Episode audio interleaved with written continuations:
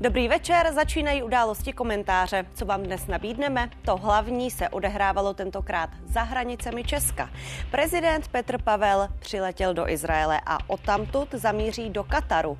Mluvil o boji s teroristy z Hamásu, ale zároveň o pomoci palestinským civilistům. Světová bezpečnost je tématem nejen na Blízkém východě, ale také v Evropě. Švýcarsko uspořádá mírovou konferenci na Ukrajině. Má šanci uspět?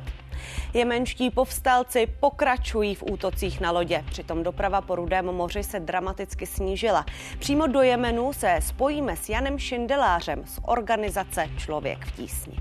Vláda se pokusí na mimořádné schůzi poslanců prosadit korespondenční volbu. Opozice to zásadně odmítá. Čeká sněmovnu řečnický maraton, v čem jsou důležité hlasy voličů ze zahraničí. Nabídneme pohled Pirátů a SPD. A poslední rozloučení s herečkou Janou Hlaváčovou se uskuteční v pátek 26. ledna v historické budově Národního divadla. Na legendu zavzpomínáme s její kolegyní a přítelkyní Tatianou Medveckou. Prezident Petr Pavel v Izraeli před jednáním se svým tamním protějškem Jicchakem Herzogem řekl, že Česko pevně stojí za židovským státem v jeho boji proti terorismu. Zároveň ale zmínil obavy ohledně civilních obětí i v pásmu Gazy. It's uh, fair uh, to uh, remind uh, not only ourselves but also uh, the world population uh, who was the victim uh, the 7th of October, exactly. how it all started, and uh, not to get distracted uh, by, uh, by uh, false narratives. Jemenští povstalci Hutiové dnes v Adenském zálivu zasáhli nákladní kontejnerovou loď. Úder protilodní balistické střely si nevyžádal žádné oběti a plavidlo pokračuje v cestě. Loď měla amerického majitele. The Houthis have persistently violated the law, menacing commercial vessels in the region. In the Red Sea, we've seen how brilliant the Royal Navy been acting in self defense against the intolerable and growing number of Houthi attacks. And earlier this month, the world sent a very clear message to the Iranian backed Houthis End your illegal and unjustified actions. Stop risking innocent lives. Cease threatening the global economy. We could not have been clearer with our warnings, which they chose to ignore, and enough was enough. A ve studiu už je se mnou Pavel Žáček za ODS, předseda sněmovního výboru pro bezpečnost a taky člen sněmovního výboru pro obranu. Dobrý večer. Dobrý večer. A vedle něj sedí Lubomír Metnar, předseda sněmovního výboru pro obranu a bývalý ministr obrany zahnutí. Ano, dobrý den. Dobrý večer. Pane Žáčku, tak já začnu u vás. 100 dní uplynulo od začátku eh, války. Eh, Petr Pavel přiletěl do Izraele. Zároveň Izrael se teď ocitá v situaci, kde je hodně kritizován právě kvůli těm civilním uh, obětem. Uh, jak zhodnotit tu návštěvu právě teď, to načasování? Tak je to velmi důležitá návštěva, to zde padlo. Ta reakce izraelského prezidenta je zcela na místě. Myslím, že se potvrzujeme jako, jako podporovatel, jako jak řekl náš premiér, několik týdnů po 7. říjnu, že jsme určitým hlasem Izraele v Evropské unii. Myslím si, že Izrael v současné době zejména politickou podporu potřebuje a my tím podporujeme jeho ozbrojené síly, podporujeme jeho boj proti terorismu, teroristickému hnutí Hamas a zároveň jsme určitým hráčem také na tom velmi složitém poli Blízkého východu, jak je známo, pan prezident bude pokračovat do Kataru. Je to teď těžší podporovat Izrael, než to bylo před těmi 100 dny právě kvůli těm okolnostem, protože takhle to zřejmě vnímají třeba Spojené státy. Tak těžší to je. Eh, znovu opakuji, ta geopolitická šachovnice Blízkého, východu je velmi složitá. Určitě je nutné připomínat, jak ta válka vznikla, kdo je tím hybatelem teroristické hnutí, které eh, od začátku eh, porušilo jakákoliv pravidla čehokoliv bere si jako rukojmí palestinské obyvatelstvo a tím, že se skrývá eh, za těmi eh, civilisty, tím, že vybudovalo velmi složité město pod Gazou, sofistikované město pod Gazou, které využívalo k útokům, přípravy útoků na stát Izrael, tak to, to způsobuje ty složitosti v postupu izraelských obraných sil.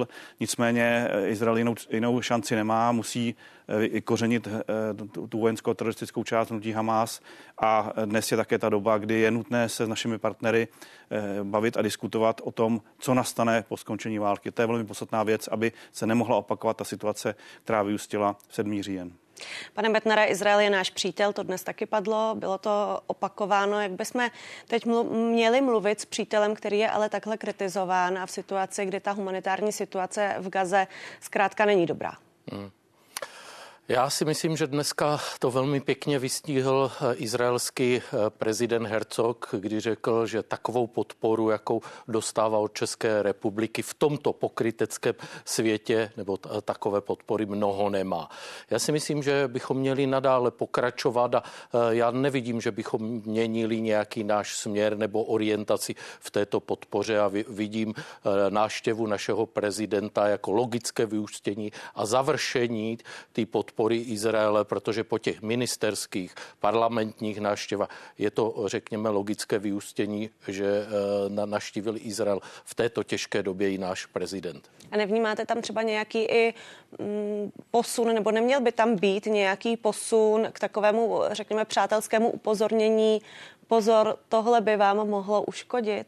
Ale já myslím, že tam zazněl z úst eh, našeho pana prezidenta s tím, že teď, eh, řekněme, to světové mínění je hodně ovlivněno, eh, řekněme, těmi zprávami, těmi záběry, jak tam ty, řekněme, ty v pásmu gazy, ty děti tam vylézají, ty zraněné počtu, řekněme, ta slabá humanitární pomoc. Takže tohle samozřejmě velmi ovlivňuje ovlivňuje řek, to světové mínění a e, v tom projevu e, ze strany našeho prezidenta to zaznělo a myslím si, že to bylo velmi diplomaticky a správně řečeno, protože to je realita. Pane Žáčku, ta humanitární pomoc z Česka proudí 10 milionů e, korun, z toho polovina pro palestinské civilisty a druhá polovina je určena pro izraelské zdravotnické organizace. Jak tento krok hodnotíte? Já si myslím, že to eh, za současné situace je asi zcela na místě. Je nutné říci pochopitelně, že samotný Izrael a další státy, američané, eh, dávají eh, samozřejmě řádově vyšší částky, případně přímo zboží, které je dopravováno na území Gazy. Také z izraelské strany bylo slyšet během návštěvy našeho prezidenta to, že je možné tu kapacitu v počtu těch nákladních vozů, těch teráků navýšit, že i tak je možné zajistit, aby se neprovážely v těchto Eh, v těchto nákladních vozech nějaké zbraně, které, které by byly učeny na podporu Hamásu. Na stranu druhou eh, to, co lze hůře zajistit, je, že na území Gazy se zmocní eh, tohoto materiálu, který je primárně určen pro palestinské civilní obyvatelstvo, tak se toho zmocní teroristické hnutí Hamas. A samozřejmě použije to pro své účely, pro své teroristy, nikoliv pro ty, ty obyvatele, kde, jak bylo řečeno, jejíž osud vlastně, prokazuje se to od začátku, je nezajímá. Lubomír Metnar něco doplní nebo souhlasí? Já si myslím, že v tomto s kolegou souhlasím a tady eh, nic bych dále nedoplňoval.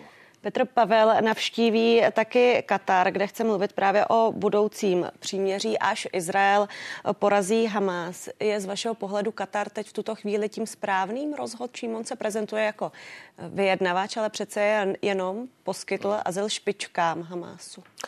No, otázka je, jestli je tím správným. Já bych řekl, že teď eh, za, za tu dobu, co ten eh, konflikt eh, v Izraeli a v Gaze probíhá, tak je jedním z nejvýznamnějších, řekněme, vyjednávacích subjektů. A to víme i na konkrétních krocích, kdy se vyjednávalo o výměně těch, řekněme, těch unesených Izraelců a občanů za ty palestinské vězně. A vidíme, víme, že se to tomu Kataru jako povedlo povedlo. Má tam, řekněme, ty vazby a velmi silné postavení eh, v této, řekněme, v této lokalitě, takže eh, zatím nevím o někom jiném, když bych to takto řekl, kdo by, se te, kdo by takto pokročil a kdo by se té role zhostil.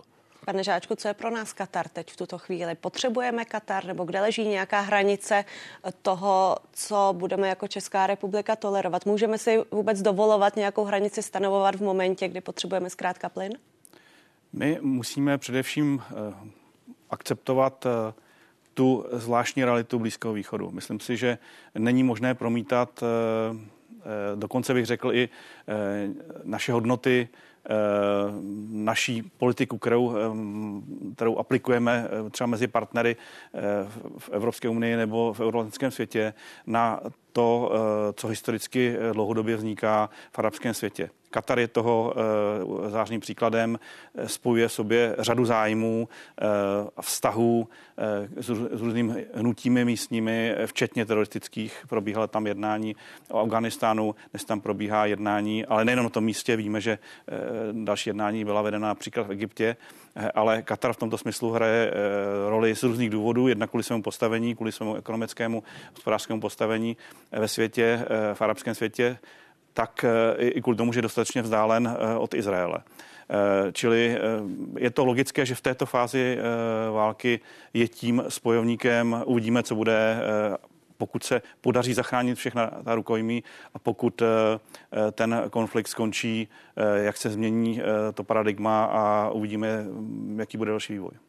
Pánové, my si samozřejmě budeme povídat taky o velmi turbulentní situaci v Rudém moři, ale pojďme se tam možná nejdřív společně podívat, protože jsem ráda, že s námi ve spojení je Jan Šindelář, zástupce regionálního ředitele pro Afghánistán a Jemen z člověka v tísni, který je aktuálně právě v Jemenu. Dobrý večer. Můžete nám prosím popsat, jaká atmosféra právě teď v Jemenu panuje? Určitě. Já bych asi na začátek nejdřív eh, vysvětlil či dodal, že já nebo my se nacházíme v Jižním Jemenu, to znamená relativně daleko od eh, událostí, kteří eh, diváci sledují v České republice. To znamená, eh, v zásadě, kdyby, kdyby jsme nesledovali média, tak zde nelze, nejsou vidět žádné znáky toho, že se něco děje nebo změnilo. Tím samozřejmě situaci nechci jako bagatelizovat či snižovat, ale, ale zatím i tím, že veškeré střety a události se odehrály kilometrů od, od nás, od, eh, z jižního Jemenu, a je to zároveň i eh, na jiné části, na druhé straně frontové linie, tak vlastně momentálně zde není eh, cítit či vidět nějaké změny, což samozřejmě může mít, a samozřejmě se může dále vyvíjet, ať už v rámci regionu, či samozřejmě i, i lokálně tady v Jemenu, ale moment, momentálně vlastně se to dá vnímat jako jakýsi lokalizovaný případ, který samozřejmě může mít další vývoj. Takže obavy v tuto chvíli nemáte, ani třeba neplánujete v nejbližší době Jemen opustit? Uh, takhle, uh, vlastně tu záležitost je třeba vnímat trošku v hlubším kontextu, jakož se nejedná o nějaký jednu individuální přístup či chování. My tu máme stálou misi, to znamená, my celkovou situaci, jak bezpečnostní, tak geopolitickou vyhodnocujeme nejenom sami, ale samozřejmě i v nějakým větším uskupení s dalšími humanitárními organizacemi, ale také například s OSN i e, různými partnery a donory. No, to znamená, ne, že bychom tu byli ojedinělí, ale tu skupina, velká skupina početná humanitárních pracovníků, rozvojových pracovníků a dalších, kteří jsou vlastně e, zapojeni denodenně do e, poskytování humanitární pomoci. To znamená, tu situaci celkově vyhodnocujeme a momentálně, zejména v Jižním Jemenu, jsme nevyhodnotili, že by bylo třeba nějakým způsobem tu naší práci omezit či, či i, i snížit. Jak přesně ta vaše práce vypadá? Co všechno člověk v tísni v Jemenu aktuálně zajišťuje?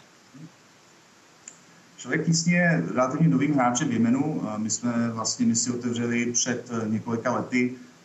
V současné době se nejvíce zaměřujeme na eh, zlepšení přístupu místních obyvatel k pitné a nezávadné vodě. To znamená v praxi to znamená, že opravujeme vrty, eh, pomáháme vybudovat eh, vodovody do oblasti, kde například ještě není eh, tekoucí voda, či rekonstruujeme latríny a umýváme na školách či nemocnicích. Zároveň jsme se vlastně koncem roku ještě zapojili do pomoci místním obyvatelům, jelikož v určitých oblastech, hlavně v jižní části Jemenu, byly potvrzené výskyty cholery, takže jsme se, pomáhali, takže jsme se zapojili do této oblasti. A samozřejmě kromě humanitární pomoci máme i ambici a zájem hledat řešení spíše rozvojového rázu, tedy pomoci místním obyvatelům a farmářům lépe konzervovat vodu, zvýšit úrodu či umožnit jiné zdroje příjmu, a reagovat na, na současné problémy a komplikace i jiným způsobem než pouze humanitární pomocí. V jakém stavu je tamní společnost? Zdravotnictví, to už jste trošku naznačil, školství, chudoba? Tak Jemen je v zásadě jedna z největších humanitárních krizí v současnosti. Vemme si, že z populace zhruba 32 milionů obyvatel, dva ze tří lidí potřebují určitou eh, míru humanitární pomoci. Eh, a nejde o to, že, že řešíme jenom dopady, přímé dopady války, která zde trvá již téměř 10 eh, let, to znamená od zranění, úmrtí, zničení, zničení obživy nebo, nebo, nebo vlastního domu nebo destrukce různé infrastruktury a, a tak dále, tak zároveň se místní potýkají s těmi návaznými důsledky války. A, a taky nejde o válku, a taky zásadě rozpad samotného státu a státních institucí. Eh, nezapomeňme, že současný Jemen je rozdělen do několika územních útvarů či celků, eh, ne pouze dva, jak se, jak se občas udává. Tudíž ty další dopady jsou jak nestabilní ekonomika, propad měny, nefunkční či slabé instituce a to samozřejmě ještě dále prohlubuje ještě tak těžkou životní situaci místních. A to možná bych ještě připočetl i další externí vlivy, to můžou být vzrůst teplotních extrémů či, či rostoucí počet přírodních katastrof. Tak já se omlouvám, nevím, jestli se ještě budeme schopni spojit s panem Šindelářem, asi nám vypadlo to spojení. Pánové, budeme zatím pokračovat v našem rozhovoru. Pane Betnere, začnu tentokrát u vás. Tak ta situace v Jemenu, situace v Rudém moři. V našem vysílání několikrát během víkendu, během uplynulých dnů zaznělo, že vlastně ta reakce přišla pozdě, že už tu situaci sledujeme celé měsíce v Rudém moři. Tak přišlo to včas, ten zásah ze strany Spojených států a Británie? No, to je otázka, jestli přišel včas, jestli ten, řekněme, ten časový rozměr tady eh, tohoto konfliktu hraje až takovou roli, protože já vám řeknu proč. Už v minulém roce v říjnu předsedkyně Evropské eh, komise upozorňovala tady na tento problém. Tyto útoky, eh, řekněme, v tom Rudém moři už jsou od podzimu minulého roku. A teď nechci spekulovat nad tím, že každá takováto operace vyžaduje nějakou, nějaký čas na přípravu přípravu. Spíše se dívejme na ten efekt, jaký bude mít, ale i teď bych nechtěl eh, vznášet nějaké, eh, řekněme, hodnotící závěry, protože byly, řekněme, dva takové stěžejní eh, britsko-americké nebo americko-britské nálety jak z moře, tak ze vzduchu. Uvidíme, jaký to bude mít efekt, i když víme, že už dneska znova zase ti jemenští postalci rakety odpalovali a že byla zasažena americká loď nebo loď ve vlastnictví Ameriky. No a kdyby nás naše západní spojenci teď vyzvali, aby jsme se přidali k té koalici v boji proti jemenským povstalcům, měli bychom to udělat? Tak já si myslím, že eh, řekněme, co se týče politicky, jsme tuto akci podpořili, protože eh, já nechci říct vojensky nebo teroristicky, ale hospodářsky eh, se to i nás dotýká. Vemte si náš jeden z nejbližších sousedů teď vyzývá v Německu, protože jsou zasaženi průmyslníci, aby se německá armáda tady zapojila do podpory na řešení, řekněme, této, této krize v Rudém moři. Takže Česká republika tomu logicky vyslovila podporu a já eh, nevidím eh, z hlediska našeho nastavení, eh, řekněme, armády nějaké zapojení. To je spíše, řekněme, otázka těch velmocí Ameriky, Británie, případně dalších no, zemí. Ale ta obchodní cesta, ta přece jenom je důležitá říkám, hlavně Hospodářsky se nás to dotýká, ano, ale vojensky, vojensky nevidím, že bychom se tam my nějak více angažovali, ale politicky jsme toto podpořili, což si myslím, že je správně. Pane Žáčku, jak to vnímáte vy? Proč by měli za nás všechno dělat Spojené státy, když to úplně zjednoduším tu uh, otázku? Měla by se zapojit Evropská unie taky? Já se domnívám, že ten, kdo má kapacitu, kdo má tu zbroj správnou, tak by se zapojit měl. Je to opravdu strategická námořní linka eh, spojící Asii a Evropu. Eh, dotýká se to, to, co vlastně tam Hutijové, což je mimochodem taky taková teroristická odnož, napojená jako proxy na Irán eh, a všimněme si, na co byly vedeny ty útoky na sofistikované zbraně, které určitě si nemohli vyrobit z vlastních zdrojů, ale dostali je z Iránu, eh, radarové komplexy, raketová sila a, a tak dále. Prostě mělo to ve těch snížených kapacity napadat tu námořní linku.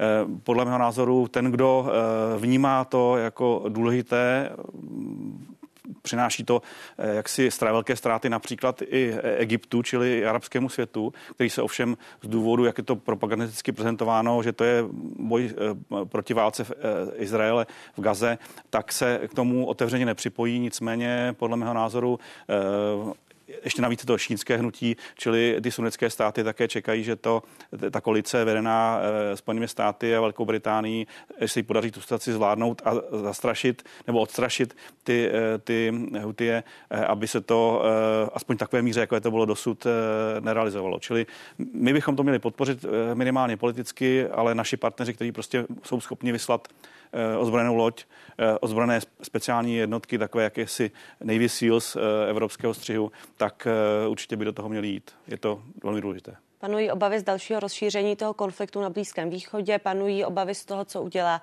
Irán. Eh, vyplňují se i ty obavy, že to odvrací pozornost od Ukrajiny, podle vás? Souhlasím s tím, to, že to vnímají zejména Spojené, Spojené státy jako klíčový hráč západního světa velmi vážně bylo, že tam vyslali task force vlastně s těmi supermoderními eh, letadlovými loděmi, eh, které byly tak, tak rozestaveny eh, a stále jsou, pohybují se v prostoru, který odstrašuje zejména Irán a jeho proxy hnutí ozbrojené v tom, aby ten, ten konflikt překročil nějaké hranice. Myslím, že se to bude týkat i toho jižního Jemenu. Eh, nicméně naši partneři musí být připraveni. Eh, je to vážná situace, je to podle mého názoru, eh, vyhovuje to Ruské federaci, vyhovuje to Iránu a v tomto smyslu musíme na pozoru a zejména teda ty státy, které mají tu kapacitu a které mají ty spravodajské zdroje, kterými jsou zejména Spojené státy a, a Velká Británie. Pane Metnere, o Ukrajině se aktuálně jedná v Davosu. Čeká se na zítra na projev Volodymyra Zelenského. Mezitím Švýcarsko na jeho žádost to už řeklo, že uspořádá mírovou konferenci na nejvyšší úrovni o Ukrajině, ale bez Ruska. Ehm, má taková schůzka smysl? Má takový summit smysl? Já myslím si, že má a e, každá taková aktivita, která bude směřovat k jednání a řekněme e, k přípravě mírovým krokům, e, které by směřovaly k ukončení bojů na Ukrajině, takže to smysl má. Je to další, myslím si, že v pořadí čtvrtá schůzka, která navazuje na ty předchozí jednání. Myslím, že předtím to bylo v Maltě, teď v Davosu.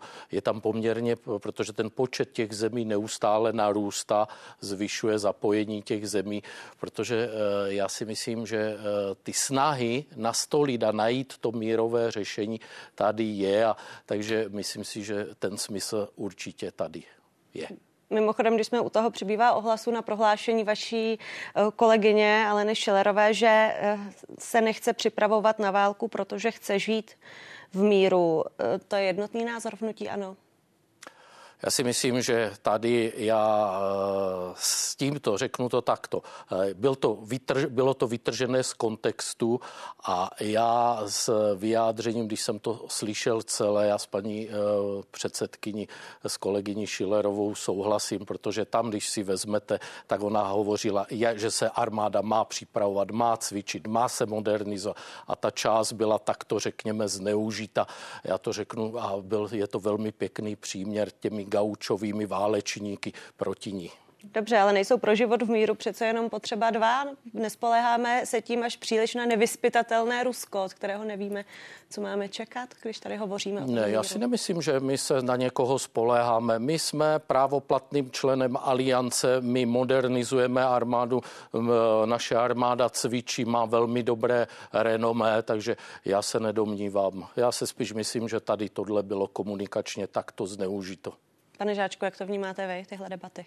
Já bych nebyl, považuji to za důležité, aby se ukázalo, jaká síla eh, vlastně stojí z těch klíčových států, eh, stojí za Ukrajinou, za ukrajinským prezidentem. Na stranu druhou ten klíčový eh, stát nebo jeho zástupci, který způsobil celou tu agresi, tu šilnou válku, který má na svědomí všechny ty mrtvé eh, a vše, to se vlastně na Ukrajině děje eh, se všemi těmi konsekvencemi, včetně těch eh, trestně právních, tak je Ruská federace. Vychází uh, naši partneři, nebo my i, vycházíme na tom jednání z desetibodového plánu uh, ukrajinského prezidenta. To ale neznamená, že ho akceptovalo Rusko. Opravdu je to ukázka, řekl bych, diplomatické síly a ukázka toho, že Západ je jednotný v požadavcích Ukrajiny a my samozřejmě jsme zcela závislí na tom a také ta jednání, případná mírová, jsme zcela závislí na tom, co řekne Ukrajina a kdy si vyhodnotí situaci, že musí začít jednat. Nicméně podporujeme rozhodně obnovu svrchovanosti a vytlačení ruského agresora z ukrajinského území. My jsme zmiňovali Švýcarsko, které by mohlo sehrát, řekněme, eh, roli prostředníka. Co další klíčové země? Co Čína? Čína je v zvláštním postavení. Eh, ona sice eh, otevřeně nepodpořila tu ruskou agresi, přestože se domníváme, že ta jednání těsně před tím konfliktem ještě během zimní olympiády v Číně se čínské vedení dozvědělo o tom, co Putin plánuje, pravděpodobně jako jediné na světě ale e, nepodporuje, e, nebo respektive podpořilo svrchovanost, ne, nebylo nějak, nás, nějak zásadně proti válce. Pravděpodobně některý materiál, který ruské straně dochází, e, nepochází jen z Severní Koreje, ale taky z Číny. Na druhou stranu nepodpořilo to, že by podpořilo svrchovanost Ukrajiny. Takže je ve zvláštním rozpoložení, je ve zvláštní situaci, nicméně nelze to brát tak, že by bylo jednoznačně čínské vedení, čínské komunistické vedení na straně Ukrajiny spíše i díky povaze svého režimu eh, a díky tomu, co si slibuje od oslabení Ruské federace, to znamená, že naplní své nějaké ekonomicko-politické zájmy třeba na Sibiři, tak eh, je spíše na straně Ruské federace. Aby byla Ruská federace oslabena, tak potřebuje Ukrajina zase vojenskou pomoc. Ostatně i s tím jede Volodymyr Zelenský nebo přijel eh, na to jednání. Co můžeme nabídnout my jako Česko, pane Metnare? Tak myslím si, že my standardně nabízíme ten výcvik, protože co se týče vojenského materiálu, a to už tady také zaznělo opakovaně, co jsme mohli, tak si myslím, že z té vojenské techniky jsme poskytli jako stát. E, co se týče našeho, řekněme, soukromého nebo privátního obraného průmyslu, ten neustále e, se snaží a poskytuje a je zapojen do té podpory Eh, těch eh, ozbrojených sil Ukrajiny. Takže my, pod, eh, my řekněme, podporujeme tu Ukrajinu a poskytujeme teď, tak, tak jak je to nastavené, ten výcvik těch vojáků ukrajinských ozbrojených sil a určitě jsme, řekněme, i zapojeni do těch evropských struktur, kde taktéž probíhá ten výcvik, protože co se týče ukrajinských vojáků, tak více větší polovina, řekněme, zemí Evropy Evropské unie se na tomto výcviku podílí. A ostatně vojáků je na Ukrajině nedostatek. Mobilizace je velké eh, vnitřní téma na Ukrajině. Aktuálně je to velmi nepopulární, ale asi očekávatelný krok. Jak moc úsilí bude potřebovat Ukrajina a jaké jsou vůbec šance, že zvládne udržet frontu alespoň tam, kde je teď v letošním roce podle vás? No, když to vezmu, tak je tam žalostný nedostatek, řekněme, munice. Hlavně eh, ty munice do těch, eh, do, do těch raketových systémů v rámci protivzdušné obrany. Co se týče, eh, řekněme, těch vojáků, lidských zdrojů, bude to velmi složité. Vím, že nějaké rezervy tam jsou a podívejte se, protože je, když ne každý den, tak čas od času se v médiích objeví vyhýbání se ty brany povinnosti těch těch ukrajinských mužů, kteří nejsou ještě zapojeni, takže já to vidím velmi složité. Bude to mít ještě těžké. Pane Žáčko, jak složité to bude mít Ukrajina, aby si udržela západní podporu?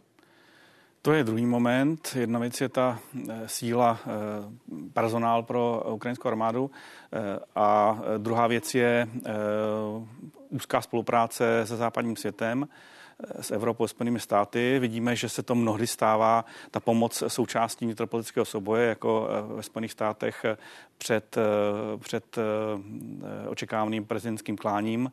Eh, nicméně my jsme si a musíme si být vědomi, že bez nás by to Ukrajina nemusela ustát a my rozhodně nepotřebujeme, aby ruské tanky se dostaly až k hranicím Evropské unie, až, na, až bezprostředně proti, proti tomu východnímu křídlu NATO. To by nás nás stalo mnohem větší množství finančních prostředků, to by jsme byli bezprostředně ohroženi. V tomto smyslu my musíme jednoznačně podporovat a musí to být taková výrazná podpora z politické sféry, která se odrazí i v aktivitách obraného průmyslu, v podpoře výstavbě nejenom u nás nějakých si nových například výroben munice, ale také továren na samotném ukrajinském území. Je to složitá situace, myslím si, že se projevuje taková ta únava, nicméně měli bychom si být vědomi, že pokud by, by Rusko vyhrálo a teďka nebudu spekulovat o tom, co, by, co ono považuje za výhru, možná v Putin dneska by se spokojil s, s tím, co dobil na východě Ukrajiny,